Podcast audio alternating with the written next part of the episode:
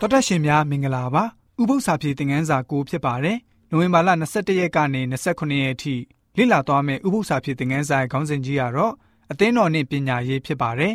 ဖက်မဲ့ကျမ်းချက်တွေကတော့ရှင်လုကာခရစ်ဝင်ခန်းကြီး30ငွေ30ကနေ30ခွန်ရှမသက်ခရစ်ဝင်ခန်းကြီး9ငွေ14ကနေ16ရှင်လုကာခရစ်ဝင်ခန်းကြီး4ငွေ18ကနေ23 ယေရမိနာဂရိကျမ်းခန်းကြီး29ငွေ73ရှမသက်ခရစ်ဝင်ခန်းကြီး9ငွေ9တသက်လုံးနေဩရစာပထမဆုံးခန်းကြီး2ငွေ6ကနေ10တို့ဖြစ်ပါတယ်အဓိကကျမ်းချက်ကိုတော့တသက်လုံးနေဩရစာပထမဆုံးခန်းကြီး2ငွေ6ကနေ10မှာတွေ့နိုင်ပါတယ်ထို့မှတပါခရစ်တော်ဤတမန်တော်ဖြစ်၍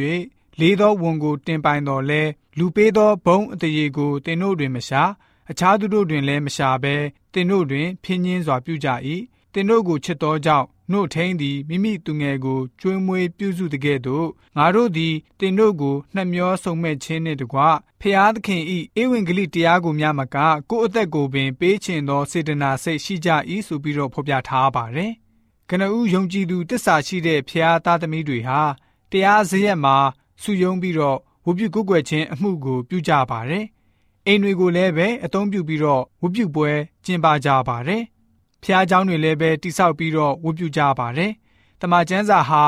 လူတွေကိုဖော်ပြတဲ့သူတို့ရဲ့နှုတ်ကပတ်တော်လေ့လာမှုတွေဝတ်ပြုခြင်းအကြောင်းတွေကိုမှတ်တမ်းတင်ထားပါတယ်။ထာဝရဘုရားကိုသိရှိနိုင်ဖို့နဲ့ဘုရားရှင်ရဲ့အလိုတော်ကိုသိရှိနားလည်နိုင်ဖို့မိမိတို့ရဲ့အသက်တာကိုထိန်းချောင်းနေထိုင်တတ်တာကိုတွေ့ရပါတယ်။တမန်ကျမ်းစာထဲကနေလည်းပဲဘုရားเจ้าဟာဆွေးနွေးတိုင်ပင်နီးနောဖလှယ်ဖို့အကောင်းဆုံးနေရာလို့သတ်မှတ်ထားပါတယ်။ဘုရားသခင်ကိုတည်ကျွမ်းနိုင်တဲ့အသိဉာဏ်နဲ့ ဖျားရှင်လူတော်ကိုမိမိတို့ရဲ့ဘဝမှာလိုက်လျှောက်နေထိုင်ဖို့နေရာလို့သတ်မှတ်ခဲ့ကြတာတွေ့ရပါတယ်။တခါတည်းမှာကျွန်တော်တို့ဟာ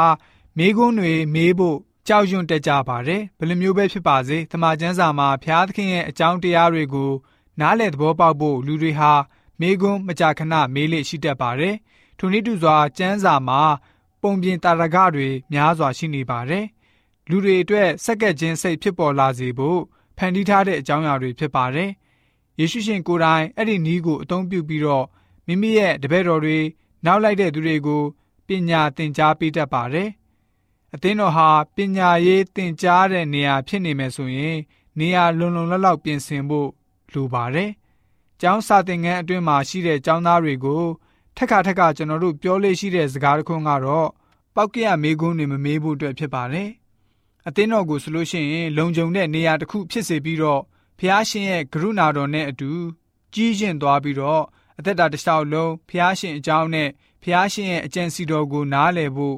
လေ့လာသင်ယူကြရမှာပဲဖြစ်ပါတယ်ဆိုပြီးတော့ဥပုံနဲ့ဥပု္ပ္ပစာပြေသင်ငန်းစာကဖော်ပြထားပါတယ်။